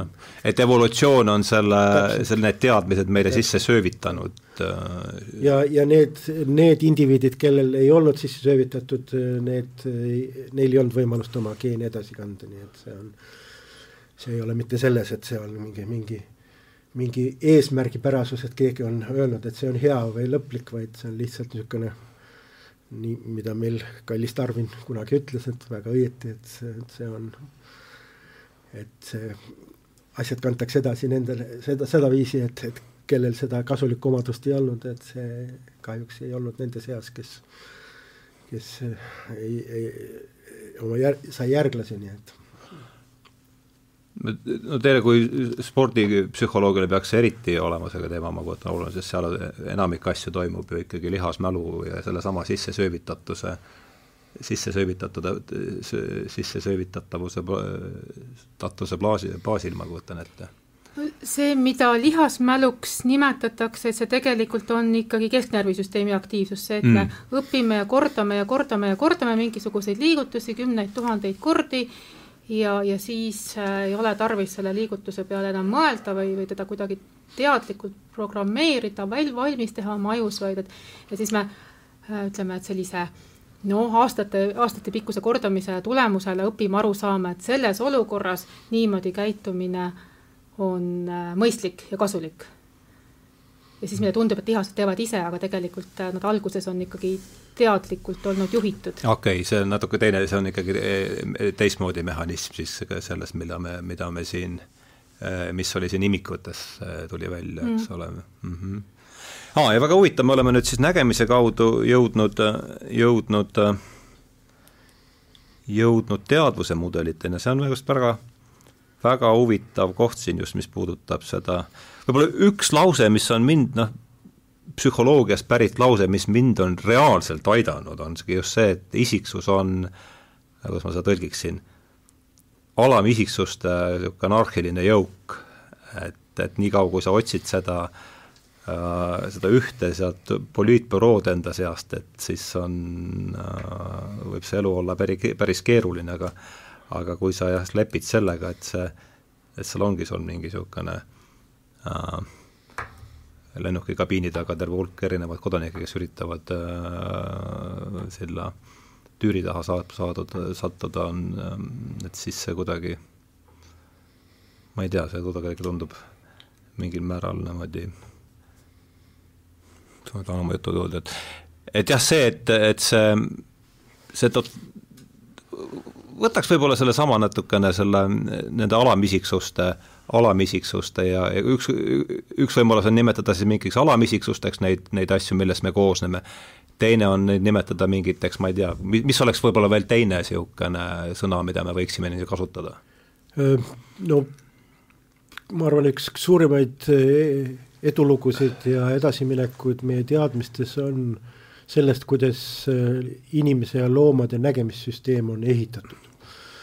Äh, noh, see, sellest on äh, David Hubel ja Torsten Wiesel, kes seal kassil ja makaakahvile avastasid, said oma, omal ajal selle eest Nobeli preemia. Äh, ja selgub, et edasine progress on olnud selles, aga nad on väga suur olnud, aga ta on ka sisaldanud endas terve rea mõistatusi, näiteks üks mõistatus on selles, et on võimalik äh, võtta makaakahv või, või kass või mingi teine äh, imetaja, kuna nägemissüsteemid on inimesega üsna sarnased äh,. ja uurida seda, kuidas on siis see nägemissüsteem ehitatud, siis esimene asi, mis torkab silma, on see, et äh, ajukoores ei ole mitte ainult üks nägemis nii-öelda väli, mis, mis esindab äh, silmavõrkkesta, vaid neid on vähemalt kolmkümmend või isegi rohkem. Ja nad on, võiks öelda, et nad on nägemiskaardid, mis kaardistavad seda, mis on inimese silmas, nii et see silmapõhjas olev pilt, mis siis muidugi peegeldab seda pilti, mis on välismaailmas, seda millegipärast dubleeritakse kolmkümmend korda vähemalt, võib-olla rohkem. Mm nii-öelda selle. et see kolmkümmend inim-, kolmkümmend väikest inimest oleks sellest siis... nagu kolmkümmend inimest või kolmkümmend pilti, no milleks on tarvis sulle seda mm. äh, televiisoriruumi või, või vaateruumi, kus on kolmkümmend pilti aga vaja on ta selleks ilmselt, et kogu ja ma arvan, et äh, David Marr, kes no väga noorelt suri ja on üks kõige mõjukamaid äh, inimesi, kes nägemisest on kirjutanud, eelkõige arvuti nägemisest või arvutuslikust nägemisest, kuidas nägemist moduleerida arvuti abil, siis tema lahendus oli selles, et see nägemise ülesanne tervikuna on liiga keeruline, et seda ühe korraga lahendada. Et ühte lahendust ei ole, üks võimalus on nii, nagu matemaatikas soovitakse, kui on suur lahendamatu probleem, jagada väiksemateks probleemideks, millest igaüks on lahendatav. Ja tõepoolest, kui me vaatame neid kolmkümmend erinevat kaarti inimese ja ahvi või, või ka teiste loomade ajus, siis nad on kõik erinevad, ükski kaart ei ole nii-öelda tüüpiline koopia. näiteks on olemas üks koht ajus, mis tegeleb ainult liikumisega ja on õnneks on noh, see inimesele on see suur õnnetus, aga inimesel võib olla verevalum ainult just selles kohas, ajukohas, mis tegeleb liikumiste analüüsidega. ja on väga hästi kirjeldatud üks patsient, kellel, kes oli absoluutselt normaalne, kõik, kõike ta oskas, kõike tegi, ruumis võis liikuda, ainus asi, mida ta nägi, ei näinud, on liikumine. tal oli väga raske tänaval liikuda, sellepärast et ta nägi, et auto oli siin hiljem oli see auto seal, aga vahepealset ei olnud. kuna ta oli väga niisugune seltskondlik daam, siis tema suurim probleem oli selles, et ta ei saanud enam teed tassi kaelata. sest ta nägi, et vähe on teed tassis ja järgmine kord oli üle selle. aga kuidas see veepiir tõuseb tassis, seda ta ei näinud. täiesti normaal, muus osas täiesti normaalne inimene, värvitaju kõik korras, vormitaju kõik korras, nägusid tunneb fotodelt ära, mitte midagi muud, ainus asi, mis oli puudu, liikumine mis näitab seda, et maailm jagatakse, see pilt, mida me näeme, jagatakse ajus väga erinevateks asjadeks. on üsna hästi teada, et kusagil on ainult värvid, asju ei ole, aga on värvid. üks ajupiirkond enam-vähem tegeleb ainult värvidega. Muuseas, see liikumise oma on üsna värvide oma kõrval, nii et ja on ka igasuguseid teisi, teisi. muuseas, me teame ka seda, et näiteks nägude, nägude, nägude osa on olemas ka täiesti üks koht ajus, kus hoitakse meil nii-öelda nägu, nägude töötlemise masin on. ja kui sinna satub mingisugune verevalum või, või väline trauma, siis tuleb see, mida nimetatakse, nimetatakse prosopagnoosiaks, mis tähendab seda, et inimene ei tunne enam nägusid ära. ja nii et ühesõnaga see ei ole nagu ühte tajuvõimet, vaid selleks, et et keeruline ülesanne lahendada, seda saab ainult tükati lahendada, et kõigepealt lahendame ära liikumise, siis lahendame värvi, lahendame ära vormi ja nii edasi, mis on muidugi suur probleem ja, ja millega on paljud püüdnud tegeleda, et et kuidas see kõik jälle kokku liidetakse. no just jah, see ju eeldab, et kusagil on mingi lennujuhtimiskeskus ikkagi olemas, mis selle pildi, pildi nagu võimalus on see, et ei ole, vaid on selles, et on olemas noh, näiteks osade sünkroniseerimine, et siis see sünkroonsus et nad pannakse, tekib niisugune võrk, mis ühes, ühes sageduses võngub. et siis need asjad moodustavadki siis selle ühise asja. sellel on ka puudusi muidugi. Sellel on see puudus võib-olla selline huvitav küsimus, mille, millega mina olen päris pikalt vaeva näinud, on, on arusaamine, et kuidas need erinevad tunnused kokku pannakse ja, ja pikka aega sellised juhtivad teooriad äh, seletasid seda siis äh, natuke nüansiti erinevalt, aga põhimõtteliselt niimoodi, et, et me ikkagi nagu liidame sellised üksteisest sõltumatud äh, tunnused kokku ja, ja, ja ütleme, et siin on punane tass ja siin on sinine taldrik. Tunneme ära värvuse, suuruse, kuju, kõik, kõik need, need tunnused. mida me aga avastasime, on äh, väga selline naljakas fenomen, et, et, et paistab, et me väga ülekaalukalt, meie tajumine äh, on kaldu värvuse eristamise poole, et ühes, ühes sellises, äh, tegelikult me avastasime selle täiesti juhuslikult, et me üritasime värvuse eristamist teha nägemissüsteemi jaoks keeruliseks, tahtsime teda suunata sinna haaramise jaoks orientatsiooni äh, suunas äh, äh, teravamaks ja, ja siis proovisime värvuse eristamise ülesannet raskeks teha, tegime nii raskeks kui vähegi võimalik, tegime sellised nägemisobjektid natuke rohekaks või natuke, natuke roosakaks. aga inimesed vaatasid ikkagi, otsisid värvust ja, ja, ja, ja ja, ja üritasid värvust eristada, vaatamata sellele, et see oli üsna, üsna lootusetu ülesanne. Ehk et, et mida ka sellised äh, väga suur hulk viimase aja uuringuid näitab, on, on see, et, et see selline äh, erinevate tunnuste kokkusidumine ei ole päris ühemõtteline ja, ja lineaarne ja hästi ennustatav, vaid pigem sõltub ka väga äh, sellest ülesandest, mis, mis meile ette antakse ja veel erinevatest teguritest huvitav, see ajalugu nagu kordub, et oli siis, kui, kui suur vene füsioloog Ivan Pavlov oli väga populaarne, räägiti tingrefleksidest ja kogu vähemalt ühel perioodil ühe maateaduses arvatigi, et kogu mõtlemine ja kogu intelligentsus seisneb siis erinevate asjade kokkuliitmises ja seal oli ka niisugune üli, ülivõimsa kokkuliitja teooria, et üks, ükskõik mis asja sa võid omavahel kokku liita. Ja kui me vaatame, milline on progress olnud selles äh, tingreflekside teoorias, siis siis järeldus on see, et tingrefleks on tavaline üks õppimise mehhanismidest. Ja mis on väga oluline, on see, et, et, et kõik kõigega sa kokku ei saa panna,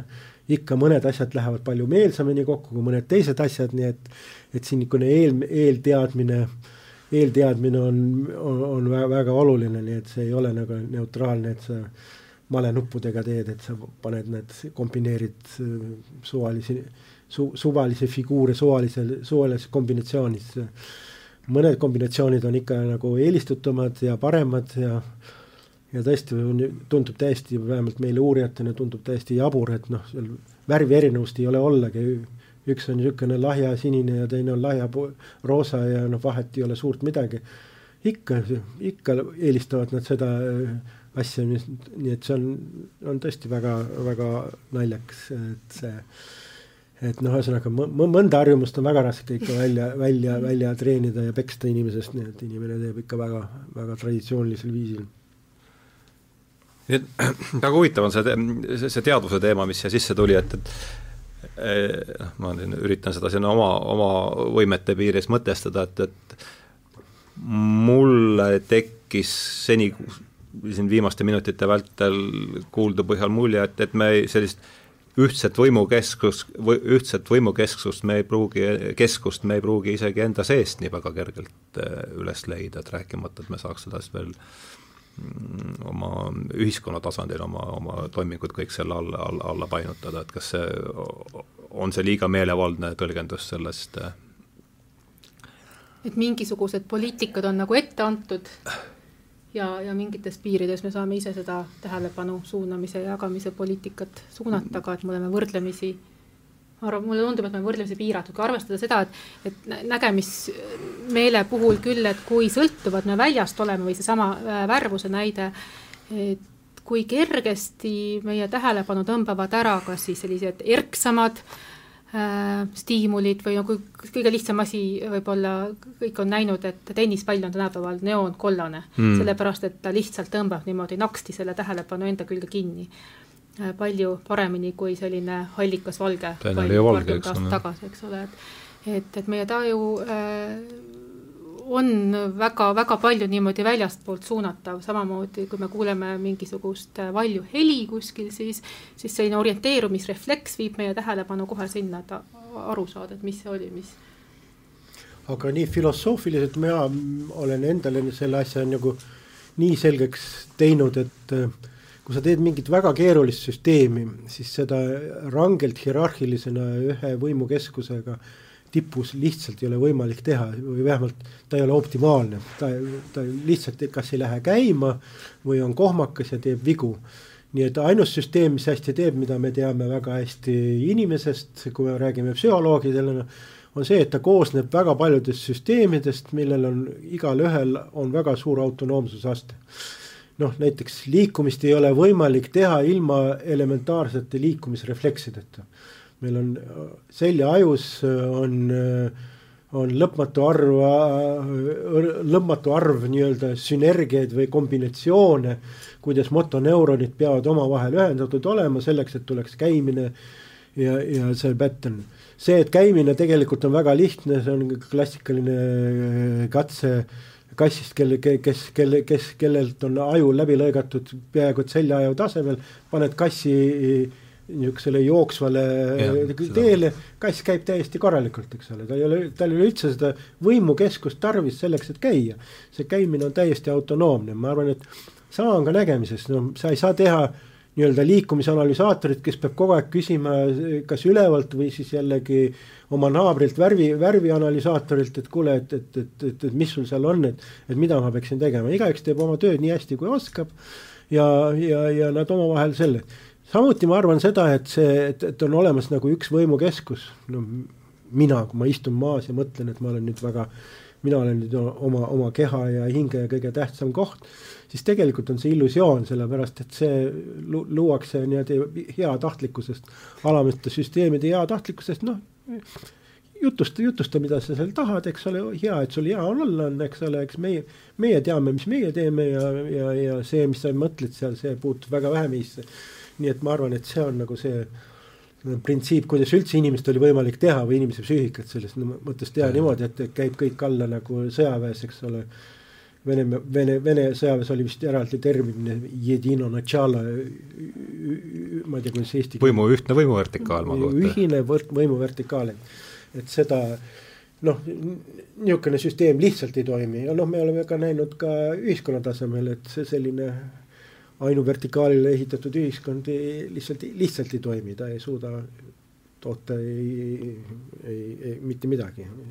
Ei saa hakkama ei, ei iPodi ega mingi mõne tähtsama vidinaga, nii et seal lihtsalt, lihtsalt ei tule niisugune asi välja, nii et. eriti kui midagi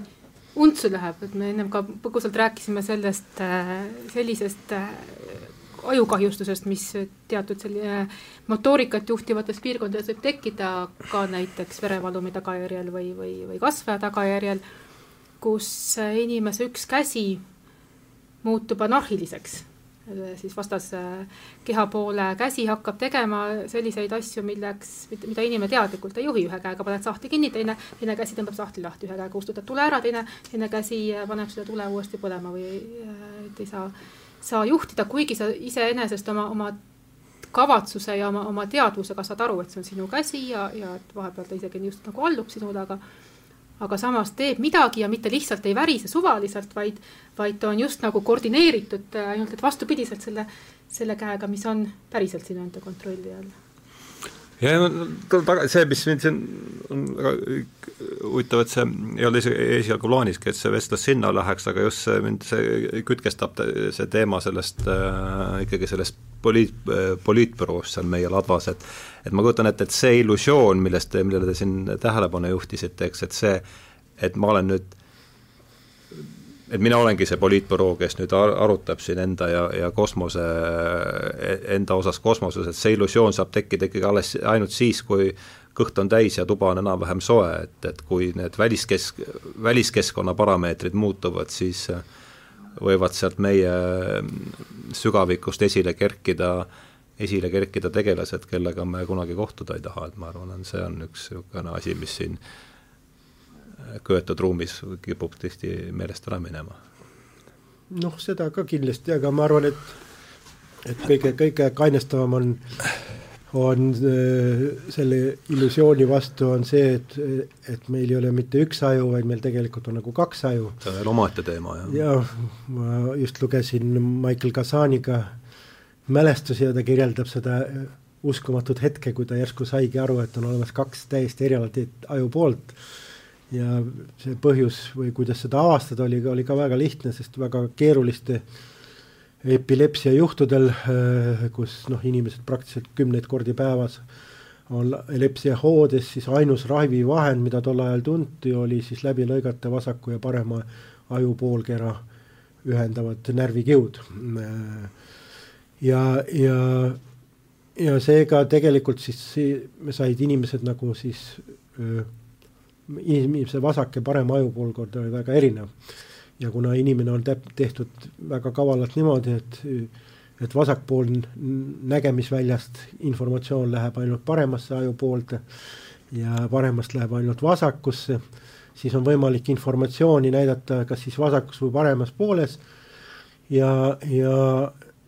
see tähendab, et lähevad erineva ajule ja see, mille Kasaniga, esimene inimene, kes seda kunagi jälgis, oli see, et ta saatis ühe ja sama sõnumi kord vasakule ja paremale ajupoolekirjale ja, ja üks reageeris absoluutselt erinevalt sellest, kuidas reageerib teine. Ja see ahhaa-efekt, et ta sai aru, et meie vasak ja parem ajupool on, on üsna erinevad ja käituvad küllalt äh, iseäralikult või teistmoodi noh, näiteks, et üks saab kõnest aru ja teine kõnest aru ei saa või üks saab päris hästi aru ruumilistest suhetest, teine ei saa ja need erinevused noh, neid võib vaielda, kui, millised nad on, aga, aga no mingit kahtlust ei ole, et vasak ja vajupoolkera on, on ikka väga erinevad, nüüd tekib küsimus, et kus, kus see poliitbüroo istub, kas vasakus või paremas, eks ole. juba see, see tekitab nagu selle Äh, näitab, et see küsimus on üldse valesti püstitatud, et mingit büro, poliitbürood ei saagi olla, nii keerulises süsteemis ei ole, ei ole see, ei ole see võimalik ja mis kõige hullem, et ei olegi kasulik, sellepärast neid näiteid, kus inimene on ignoreerinud seda, mida, mida, mida talle targad äh, alluvad on öelnud seal äh, ja mis on viinud katastroofini või surmani, siis noh, neid näiteid on, on lõpmatu arv, nii et nii, no me oleme siin juba üle, üle tunni aja stuudios istunud, et hakata seda jutuajamist nüüd niimoodi vaikselt sadama poole juhtima, et siis üritan siis niimoodi kokku võtta, milles, mida mina sellest tänasest jutuajamisest olen kõrva taha äh, pannud, no mulle kaks asja, mis mulle väga meeldis, on see, et liigutus ei salli udutamist ja ja käsi ei allu propagandale, need on minu arust väga elegantselt sõnastatud äh, asjad, mis kõik haakuvad, eks ole, selle nägemise ja motoorika ja, ja, ja kõige sellega, millest me täna rääkinud oleme. no tundub, kas võib siis väita äh, Gibsoni baasil ja selle baasil, mis me täna siin oleme, et me näeme ikkagi maailma läbi, suuresti läbi sihiku, eks. Äh, ja meie üks suur probleem on see, kuidas,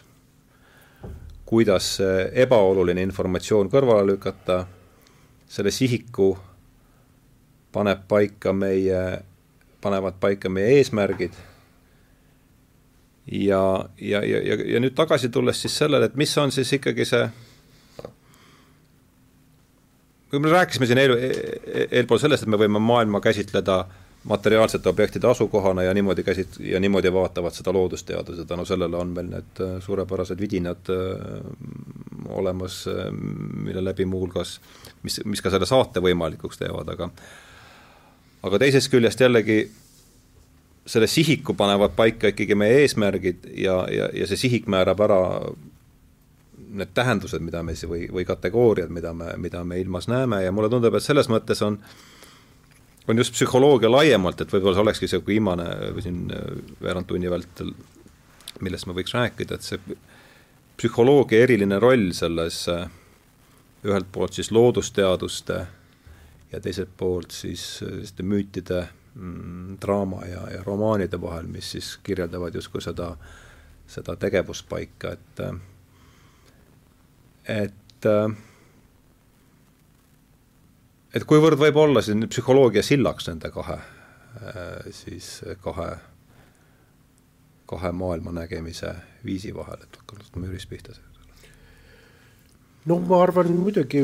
noh, kui ma olen juba nii kaua elus selle alaga tegelenud, et, et, et ma arvan, et psühholoogial on tõesti mitte ainult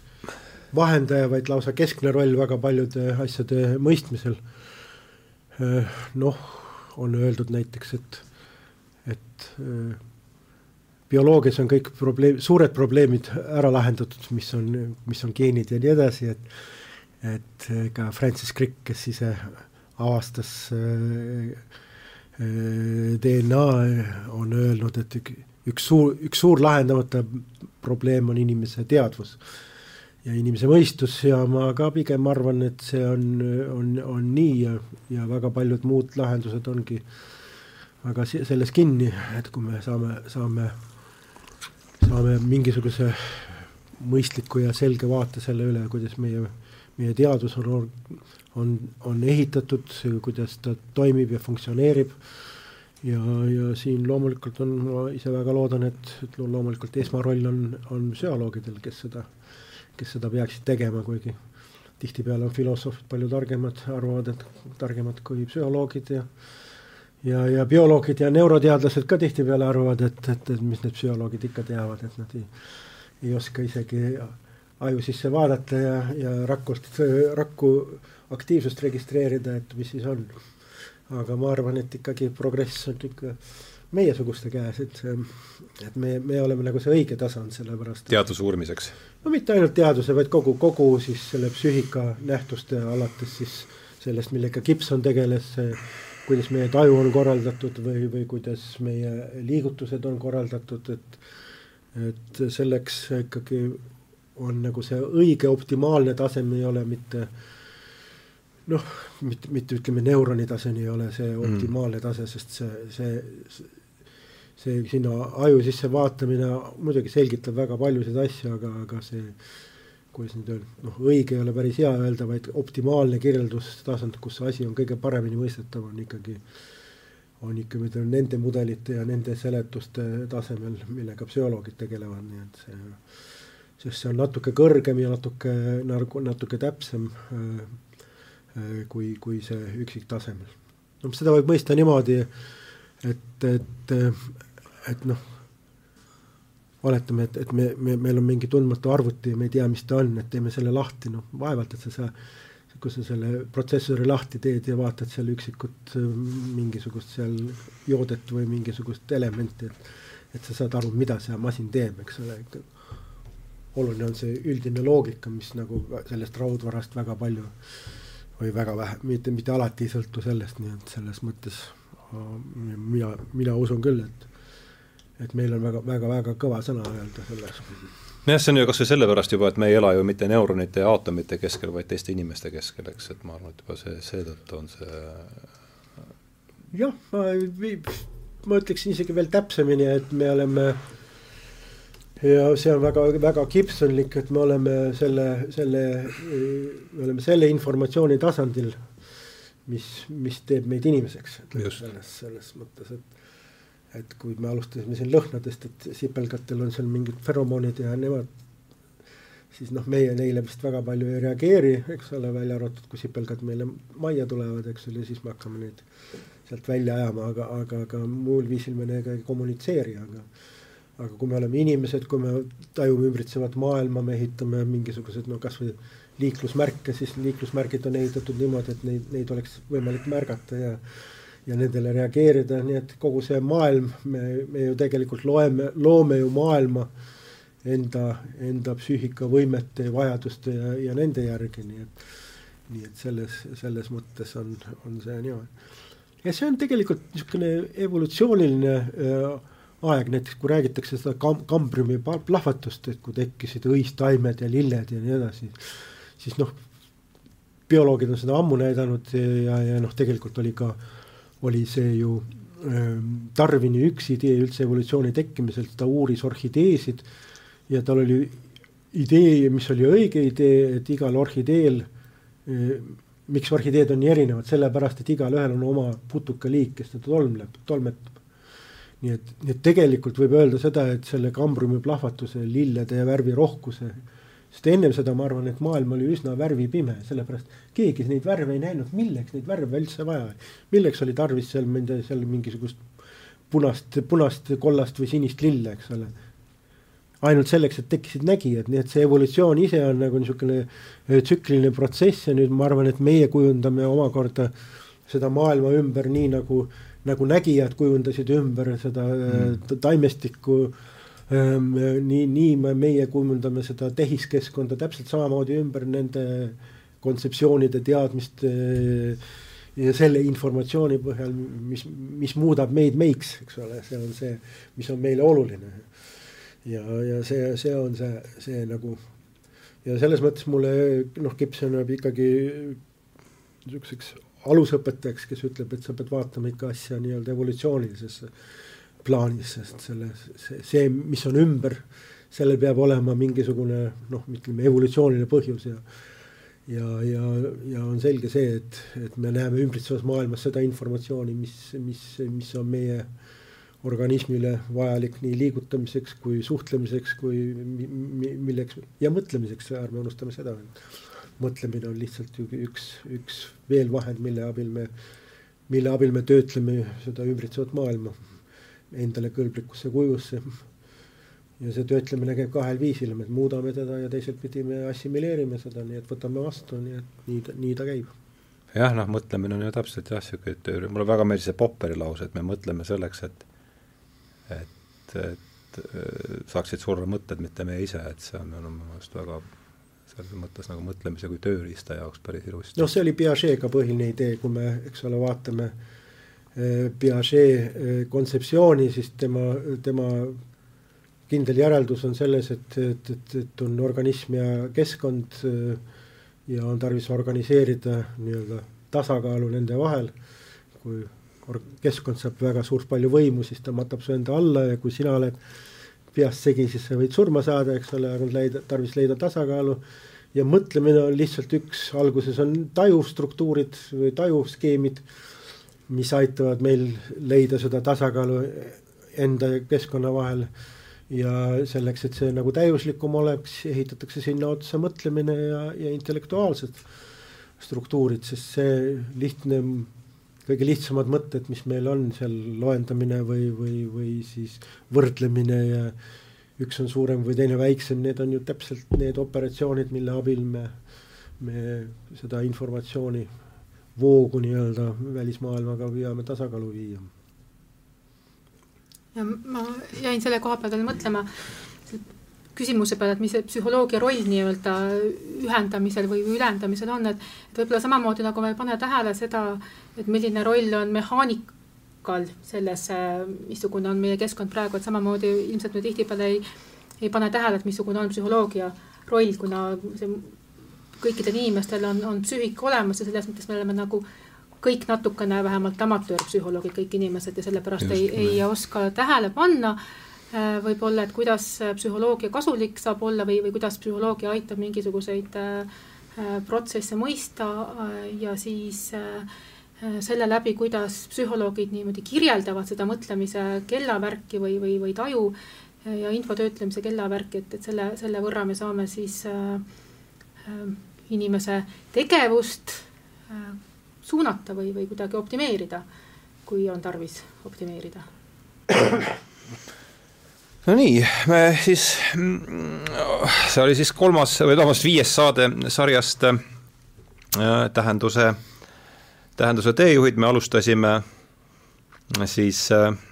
James Gibsoni raamatust Ökoloogiline lähenemine nägemistajule ja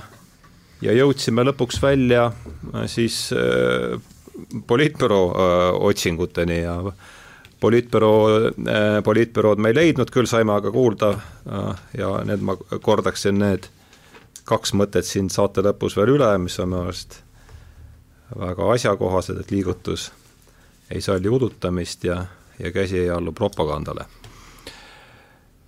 veel kord, eetris oli viies saade sarjast Tähenduse teejuhid eh, ja minu saatekülalisteks olid täna siis eh, Aave Annus ja Jüri Allik, suur tänu teile tulemast ja kohtumiseni järgmistel kordadel!